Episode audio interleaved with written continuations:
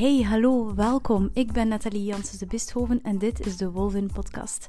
Een podcast over all things wild woman, ongetemd leven en vrouw zijn, waarin ik jou hoop te inspireren in de meest wilde, vrije versie van jezelf te stappen, zodat jij de wereld kunt zetten wat je in de wereld te zetten hebt. De aflevering van vandaag heet Fearless en gaat alweer over een centrale eigenschap in ongetemd leven, namelijk onbevreesdheid. Niet de onbevreesdheid in de zin dat je geen angst voelt of nooit bang bent, maar wel onbevreesdheid in de zin dat je de angst voelt en toch doet wat er van jou verwacht wordt, wat je voelt dat je te doen hebt, wat je voelt dat je hart van jou verlangt. Hoe je dat doet en hoe de wolvin hierin alweer ons voorbeeld kan zijn, dat ontdek je in de aflevering van deze week.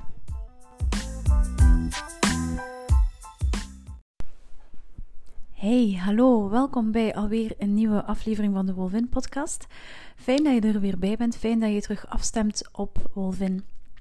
De aflevering van vandaag die heet Fearless, um, onbevreesd en gaat dus over uh, angst of het gebrek um, daaraan.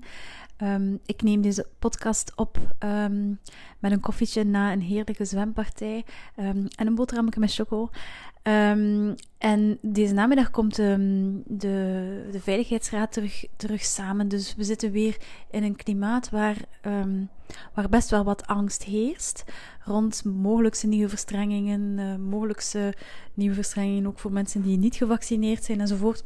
Dus ik vond het wel een fijn moment om eigenlijk dit topic nu aan te snijden, namelijk angst um, en, en, en wat dat we daar moeten mee doen.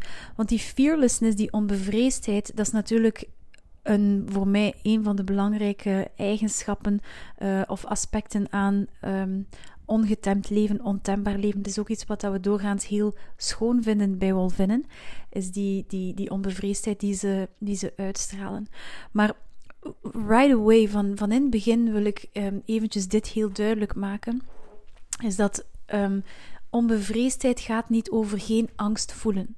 Dus uh, als mens zal je altijd angst voelen, zal angst altijd aanwezig zijn. De enige die geen angst voelen zijn psychopaten en dat is niet ons doel. Dus angst, um, zoals dat Liz Gilbert zo mooi zegt, fear will always be in the car.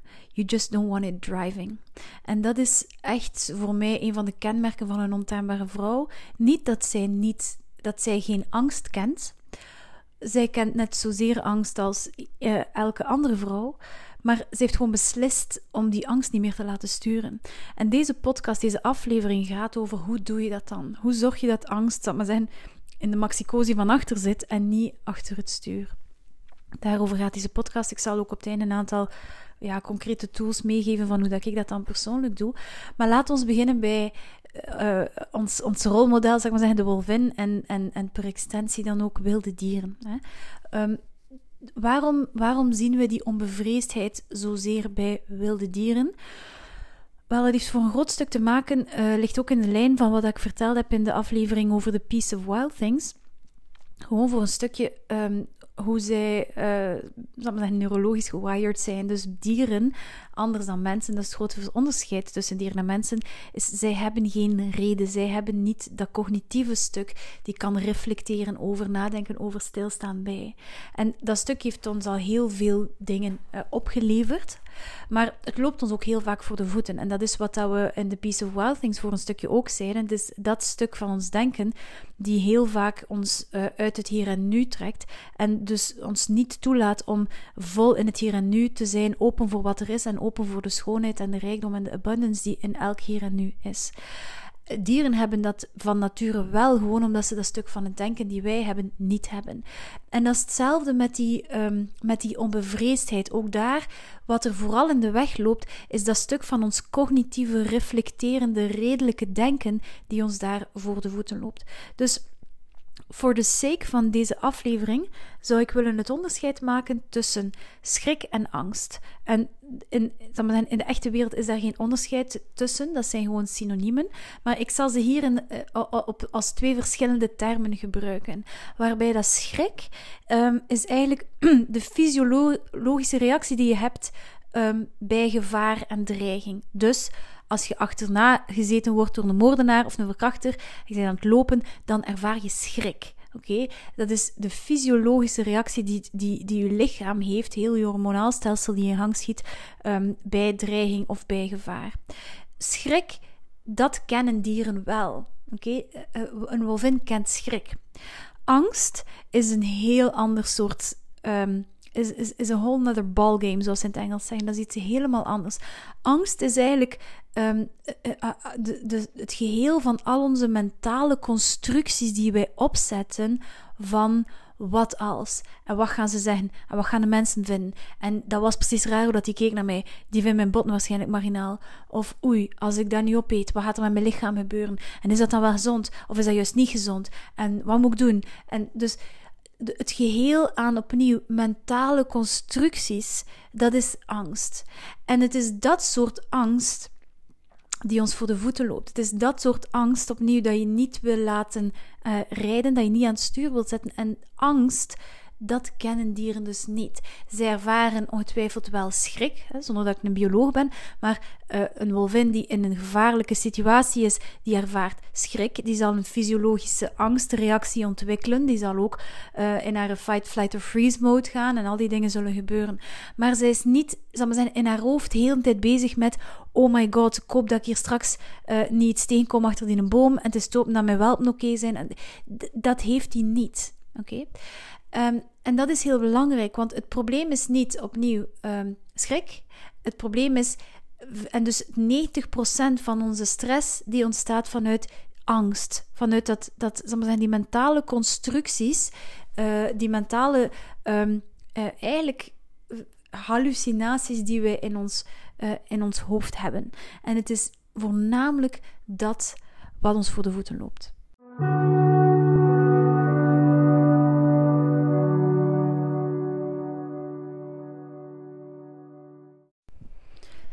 Een ander helpend onderscheid in die, in die context is het onderscheid dat Eckhart Tolle maakt tussen uh, problemen en situaties.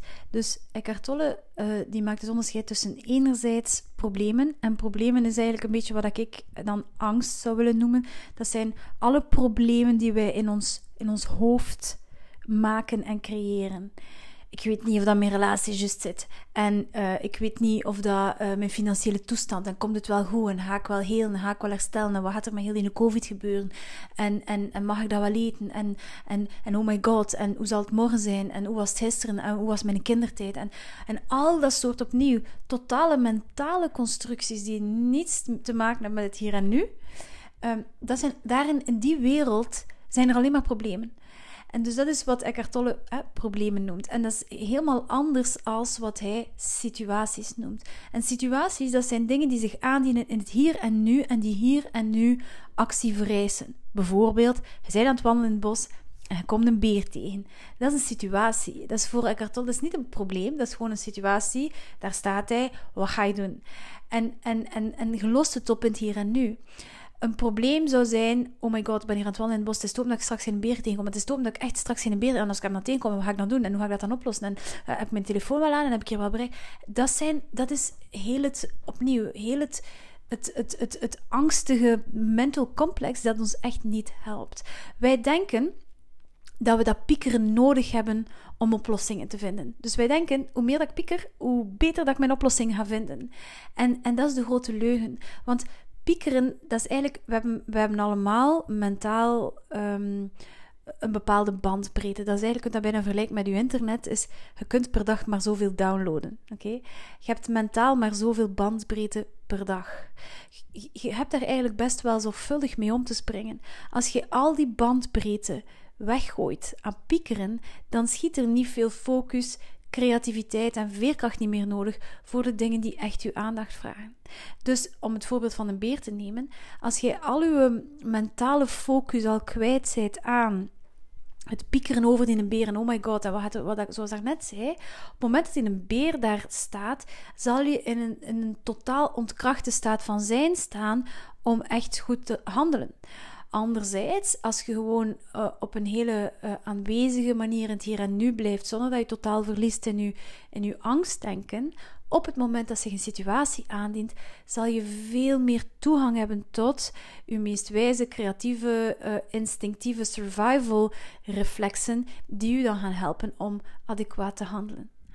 Maar de essentie is eigenlijk um, zeer eenvoudig, namelijk je kunt een probleem niet oplossen voor het zich aandient. Hè? En in, in, in, Eckhart Tolle termen zou dat een situatie zijn. Hij gebruikt ook situatie omdat die term gewoon veel neutraler is. Een probleem is al, een, is al direct een oordeel of een connotatie geven aan wat er zich voordoet.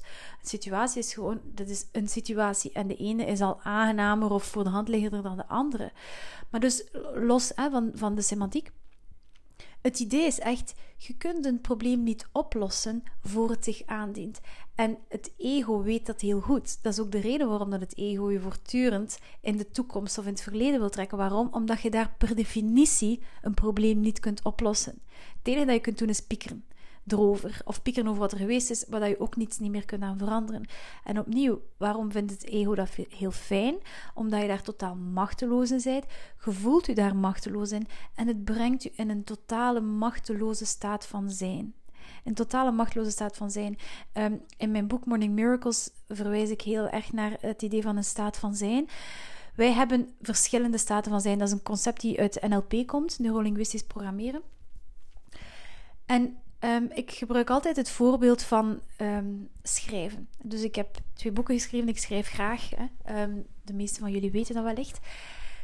Er zijn dagen dat ik schrijf en dat ik denk: Jezus Christus, ik ben gewoon mega getalenteerd. Alles dat eruit komt, vind ik geweldig. Ik voel dat dat goed zit, dat is krachtig, dat is de max. En dan, en dus zeker bijvoorbeeld in, in, in, in een project zoals een boek, waar je echt dagelijks moet schrijven, dat er wel wat... Hè, zijn er dagen dat je achter een bureau kruipt en achter je computer en denkt, maar kerel, dat is zo'n rommel. Was, is, ik ben totaal talentloos. En het idee is niet dat je dat, kan niet, dat je de ene dag wel talent hebt en de andere dag niet. Dus dat kan niet. Maar wat er wel gebeurt, is dat je op het ene moment in een krachtige staat van zijn zit, waardoor dat je volledig toegang hebt tot alles wat er potentieel in u zit, aan creativiteit, aan wijsheid, aan whatever, wat dat je allemaal in u draagt van talenten. En in een verzwakte staat van zijn heb je gewoon geen toegang tot die, tot die zaken. En angst is per definitie een verzwakte staat van zijn. Piekeren brengt u per definitie in een verzwakte staat van zijn. Dus, en, en daarom dat het ego opnieuw u zo graag daar naartoe trekt, omdat je daar angstig wordt. Omdat, je, omdat hij daar met u kan doen wat, dat hij, wat dat hij, ik zeg altijd hij, dus uh, uiteindelijk een neutraal energetisch gegeven, hè, maar dat, dat, dat, dat, dat je daar totaal weerloos bent in de toekomst. Wat als dat gebeurt? Dan zien we wel, als dat dan gebeurt, hoe dat we dat dan oplossen. Ik weet dat dat bijvoorbeeld in mijn, in mijn eetstoornisherstel een hele, hele belangrijke is geweest. Omdat daar heb je natuurlijk heel erg die angst voor bijkomen. En dan niet alleen bijkomen, maar niet kunnen stoppen met bijkomen. En heel dik worden. En wat gaat er dan gebeuren? En, en, en uw angst heeft al een heel doemscenario van wat er dan allemaal zal gebeuren. En als je dat opnieuw laat sturen dan ga je nooit die stappen zetten die je moet zetten, bijvoorbeeld in het herstel van je eetstoornis. Omdat je denkt, ja, maar wat als?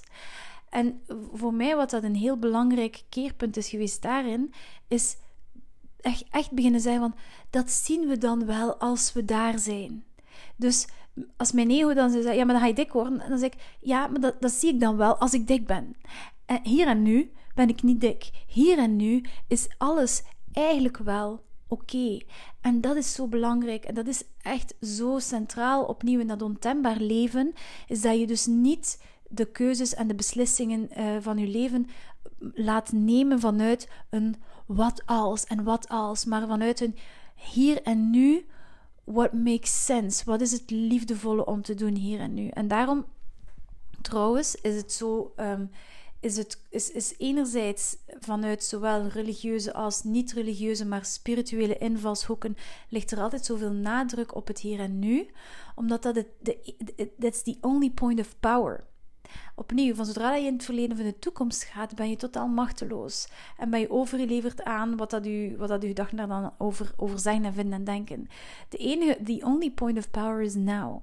En daarom trouwens ook dat er in religie ehm, heel vaak het symbool van het kruis zit. Wat, wat, wat symboliseert dat? De horizontale as symboliseert de materialiteit, dus jouw materiële leven, uw lichaam, uw lichamelijkheid en alles wat daarbij hoort. De verticale as symboliseert de spiritualiteit, de metafysica, de dimensie die de fysica overstijgt en overschrijft enzovoort.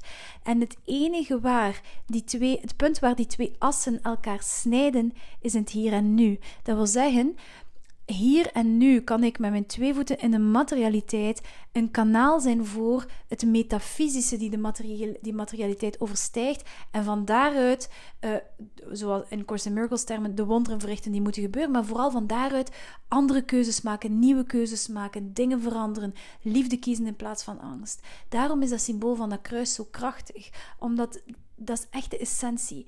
Het enige waar dat je kunt echt krachtig zijn en krachtige keuzes maken, is het hier en nu. En van zodra dat je laat verleiden om in de toekomst, toekomst of in het verleden te gaan leven, verlies je al je kracht. Dan zit je volledig op de horizontale as en daar ben je helemaal machteloos op.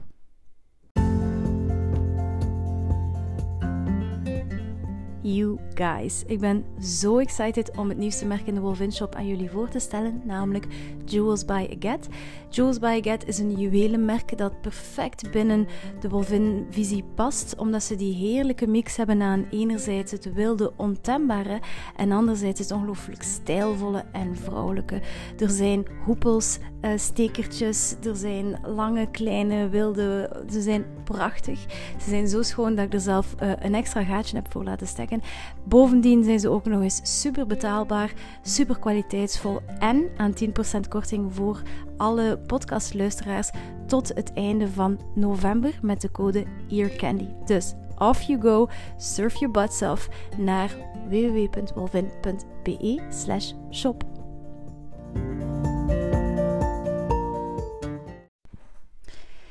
En dus voor mij een van de meest centrale um, aspecten aan ongetemd leven, ontembaar leven, uh, is echt om elke keer opnieuw de beweging van angst naar liefde te gaan maken.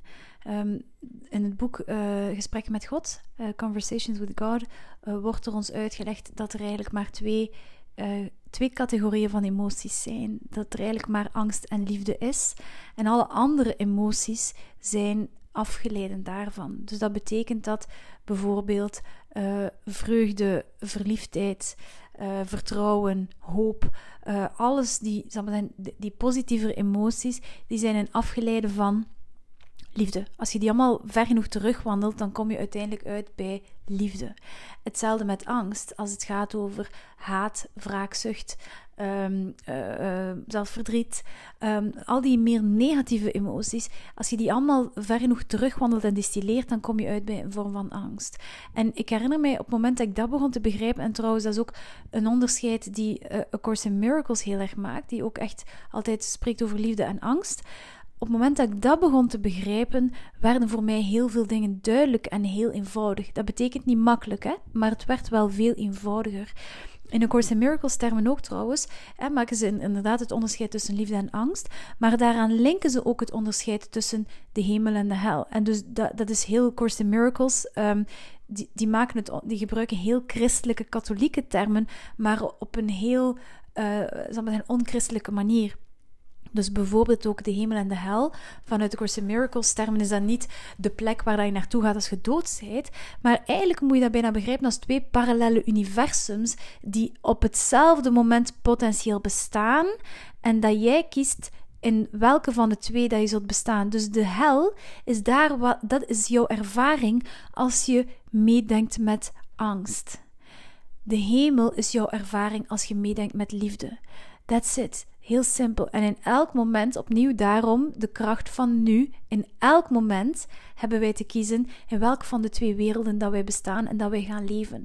Dus als ik mijn wandeling door het bos aan het maken ben en ik ben heel de tijd aan het denken, oh my god, en daar is misschien een, beer en wat ga ik doen? En als hij er is, en ik, dan zit ik in de hel. Dat is de hel, dat is lijden, omdat je totaal afgesloten bent van de abundance die, eh, die aanwezig is en die hele tijd naar je toestroomt. En dat je helemaal vastzit in je angstdenken.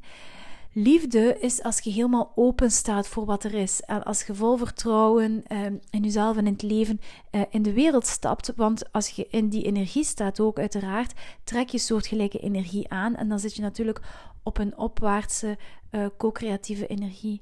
Dus dat begrijpen is... En, en dus opnieuw, angst, want sommigen denken, maar je hebt toch angst nodig om te overleven in de wereld en je kunt toch niet zomaar... En, en dat is echt wat dat je moet begrijpen en waarin dat dieren zo um, inspirerend kunnen zijn, is dieren hebben echt wel uh, vanuit een instinct een adequate reactie als er bedreiging of gevaar is die hebben niet nodig om daarover te piekeren. Wat, gaat, wat zou ik doen als er nu straks iemand mijn, um, mijn welpen komt aanvallen? Daar, je moet daar niet over nadenken op voorhand om in het moment dat dat gebeurt de juiste uh, actie te stellen. Zie je? Dus nee, je hebt niet je angst nodig om in bedreigende situaties adequaat te kunnen handelen.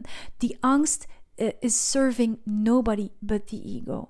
Ja? Dus daarom echt begrijpen van angst is nooit nuttig, angst is nooit zinvol, angst gaat mij nooit brengen tot uh, goede, creatieve, positieve oplossingen. Nooit. Angst per definitie brengt mij in een zeer uh, um, machteloze, uh, krachteloze staat van zijn en brengt mij heel ver weg van de beste manier om dit op te lossen. Dus zelf bijvoorbeeld in een tussen probleemsituatie, daarvan uit angst naar kijken en daarvan uit angst in bestaan, maakt het alleen nog maar moeilijker om toegang te krijgen tot de oplossing.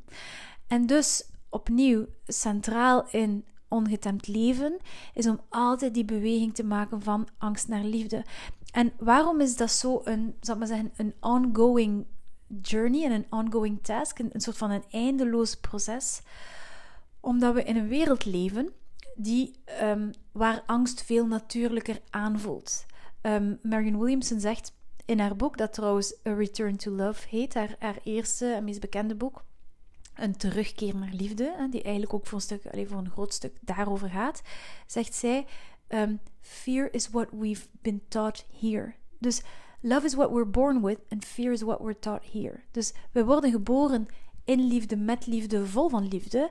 En naarmate dat wij uh, opgroeien, leren wij angst aan. Dus angst is eigenlijk niet, hoort niet bij onze meest natuurlijke staat van zijn. Daarom opnieuw dat je het niet ziet in de wilde natuur. Omdat het niet deel uitmaakt van onze meest natuurlijke staat van zijn. Maar het maakt wel deel uit van de menselijke ervaring. En dus eh, zeker angst hier is heel um, wijd verspreid. Voelt, het voelt veel natuurlijker aan vaak om vanuit een angstige um, vanuit een angstige positie uh, ergens naartoe te gaan of ergens naartoe te kijken, dan vanuit liefde. Hè, bijvoorbeeld eh, iets heel eenvoudig dat mij, dat mij, dat mij opkomt, maar als ik met mensen in mijn praktijk kijk naar bijvoorbeeld zijn op zoek naar nieuw werk en hè, ze, ze, ze hebben een, een interview of een, een, een, een, een, interview voor een potentiële nieuwe job. En dan op voorhand hè, vertellen ze daarover, zeggen, maar ja, zou ik dat dan wel zeggen? Bijvoorbeeld de echte reden waarom dat ik nu twee maanden thuis zit. Want gaan ze daar niet van vinden? Enzovoort. Dat is... Dat voelt... Heel veel mensen zeggen, ja, tuurlijk, dat is niet verstandig. Dat moet niet zeggen. Moet dat niet zeggen. Zeg maar iets anders. Dat is een van de manieren waarop dat je heel duidelijk kunt gaan zien dat angst is wat wij hier worden aangeleerd als de slimme, wijze, verstandige manier van doen. En liefde is wat, uh, is wat onnatuurlijk aanvoelt. En dat is heel de essentie van ook spiritueel ontwaken, is uh, in liefde blijven staan, zelfs binnen een context met heel veel angst. En dus opnieuw is de beweging in elk moment: ben ik nu vanuit angst aan het denken en doen en handelen en beslissen? Of ben ik nu vanuit liefde mijn keuzes aan het maken? En hoe kan je dat onderscheid aanvoelen? Wel, eerst en vooral Uiteraard is dat ook gewoon een beetje een, proces. Hè? Uh, in de webinarreeks is er ook, in onze WhatsApp-groepje is er zo de vraag geweest vorige week van ja, hoe, hoe weet ik wanneer dat mijn intuïtie spreekt en wanneer niet? En dat zit een beetje in dezelfde sfeer zo. Um, uiteraard is dat enerzijds gewoon een proces. Je leert uh, veel beter het onderscheid voelen, want net daarom is het zo moeilijk, omdat angst zo natuurlijk aanvoelt en liefde zo onnatuurlijk, dat het soms heel moeilijk is om, om het een van het ander te onderscheiden. Um, maar dus het is enerzijds een beetje een proces. Hè? Um, anderzijds, wat ik altijd een, een, zeer goede variabele vind, is om te gaan voelen van uh, hoe voelt dat hier voor mij? De manier waarop dat ik nu aan het denken ben, of die, die handeling die ik op het punt sta om te nemen, of die Van waaruit komt dat echt en hoe voelt het? En angst heeft altijd uh, soort van, dat, geeft altijd zo'n beetje het gevoel van ineen te krimpen, zal zijn te doden, de groei af te blokken, uh, in de veiligheid van, van de schaduw van de comfortzone te blijven staan, zodat dat, ja, vooral dat verkrampende, dat is, dat is heel kenmerkend voor angst. Liefde is het omgekeerde. Liefde is alles wat zal maar zijn, vertrouwen geeft en goesting geeft en, en, en openheid geeft en kracht geeft en energie geeft. Als je meer dat gevoel van opluchting voelt of van, uh, van vertrouwen of van dat soort zaken, dan ben je aan het meedenken met liefde. Dus dat vind ik een, een heel goede determinant om te zien van ben ik in, in angst of ben ik in liefde.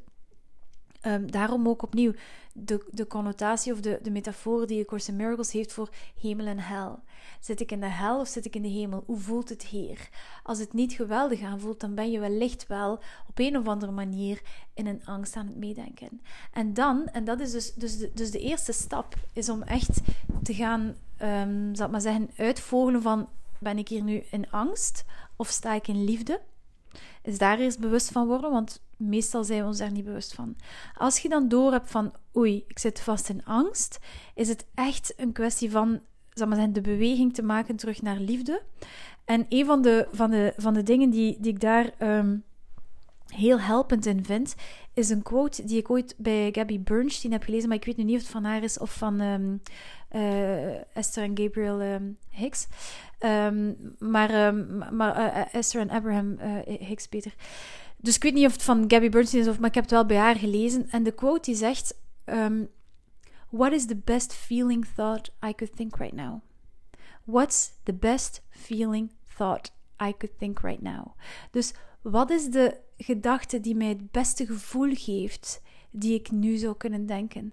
Dat is een hele goede manier om uit angst terug te keren naar, naar liefde. En nu zeggen, ja, maar ja, dat, is allemaal tof dat je zo hè, eh, een leuke gedachte denkt, maar de realiteit is dat. En de realiteit is dat. En dat is niet zo. Dat is niet zo. De realiteit is maar de betekenis dat jij kiest te geven aan wat is. Um, ik weet niet, voor de mensen die, uh, die het gezien hebben uh, het, in het huis is er uh, een week of twee geleden was de aflevering van Marco Borsato. Een heel schone aflevering. Voor, um, voor, voor wie dat nog niet gezien heeft. Super mooi, hoopgevend, uh, kwetsbaar. Echt heel schoon. En op een bepaald moment vertelt hij daarover um, dat hij juist failliet was gegaan. En hij was onderweg naar huis. En hij belt onderweg naar huis naar zijn vrouw. Hij zet hem aan de kant. En hij vertelt van kijk, ik ben alles kwijt. En allee, hij zit in zak begrijpelijk. Ik ben heel mijn fortuin kwijt. En zij zegt, oh, dat is max, kom maar naar huis en we trekken een fles champagne, we gaan naar vieren. En hij zegt, vieren? Wat, bedoelde vieren? En ik weet niet meer precies welke draai dat ze het dan gegeven had, maar dat het zo'n draai heeft op zegt, maar let's celebrate this. Er is zoveel... En, en dus dat is zo'n schoon voorbeeld van hoe dat je gewoon... Het is echt hoe dat je kijkt naar een situatie die bepaalt wat een situatie zal betekenen voor u. Daarom ook vanuit de Course in Miracles termen een wonder is een shift in perceptie van angst naar liefde. Dus het wonder, bijvoorbeeld in mijn eetstoornis, is dat ik niet meer bang ben van mijn lichaam. Dat ik niet meer bang ben van bijkomen. Dat ik mijn lichaam niet meer zie vanuit angst en al dat soort zaken. Dus daarom, als je vastzit in angst, per definitie is het op het niveau van je denken dat het verkeerd loopt. Er is nooit iets verkeerd met de situatie.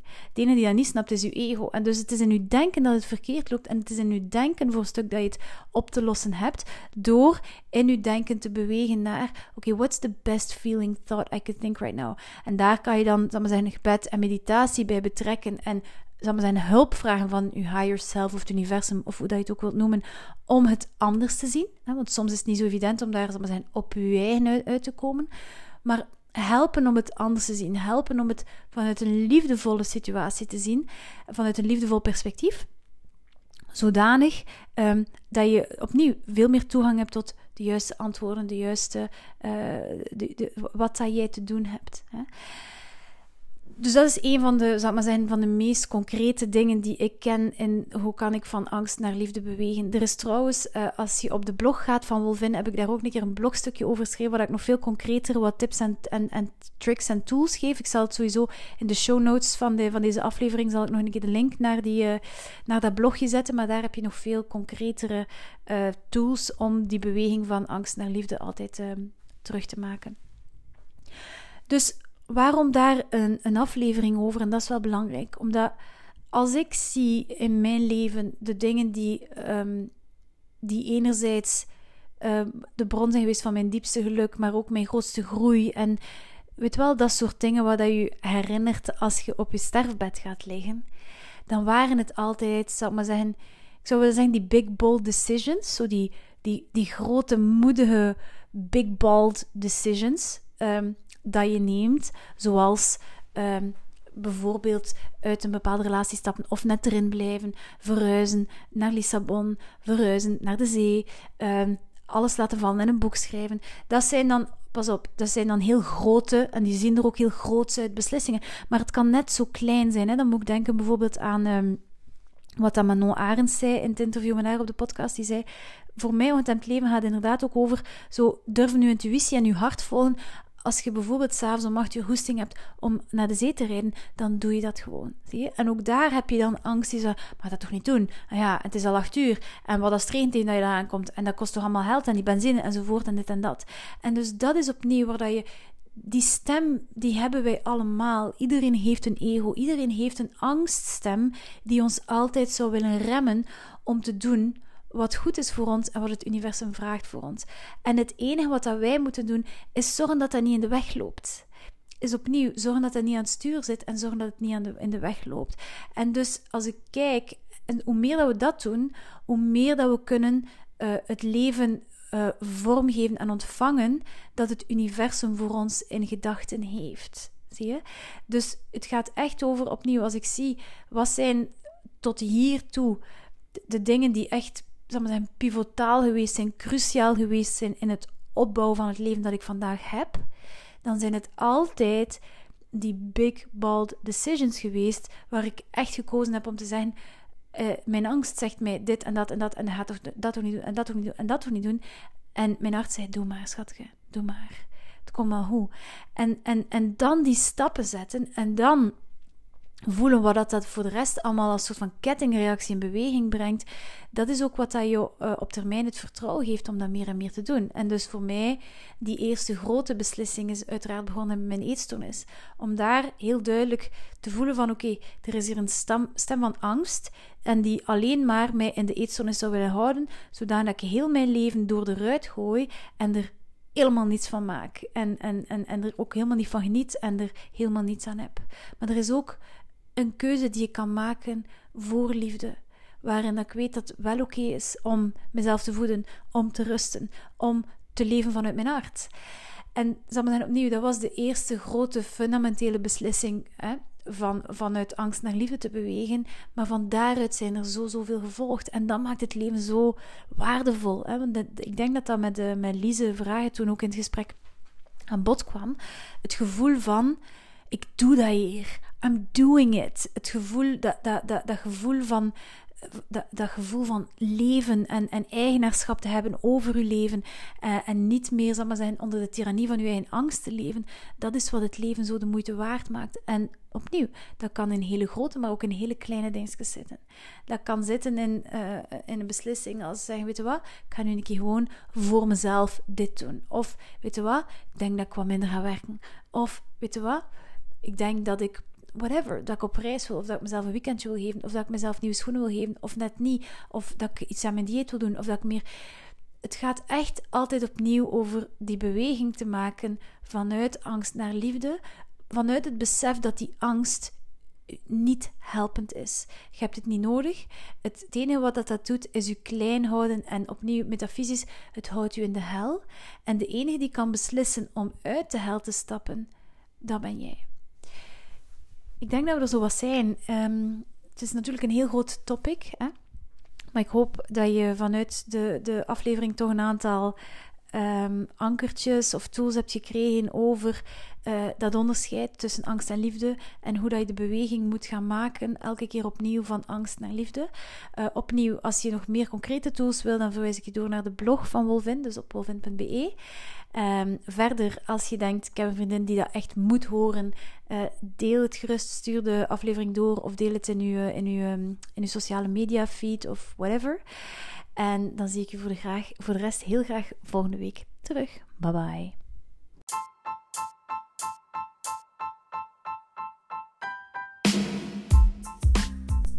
Dankjewel om te luisteren naar deze aflevering van de Wolvin podcast. Deel jouw luistermoment eh, met mij via Instagram. Neem een screenshot van jouw aflevering atwolvin.be en laat ons weten wat je ervan vond. Stuur de aflevering ook door naar op zijn minst drie vriendinnen, zodanig um, dat we elkaar kunnen blijven inspireren, kunnen blijven motiveren en dat onze, onze roedel van wilde vrouwen altijd maar groter wordt. En tenslotte, laat zeker een review achter. Dit soort dingen helpt echt om meer mensen de podcast te laten ontdekken. Voor de rest, up en een pack en tot de volgende keer.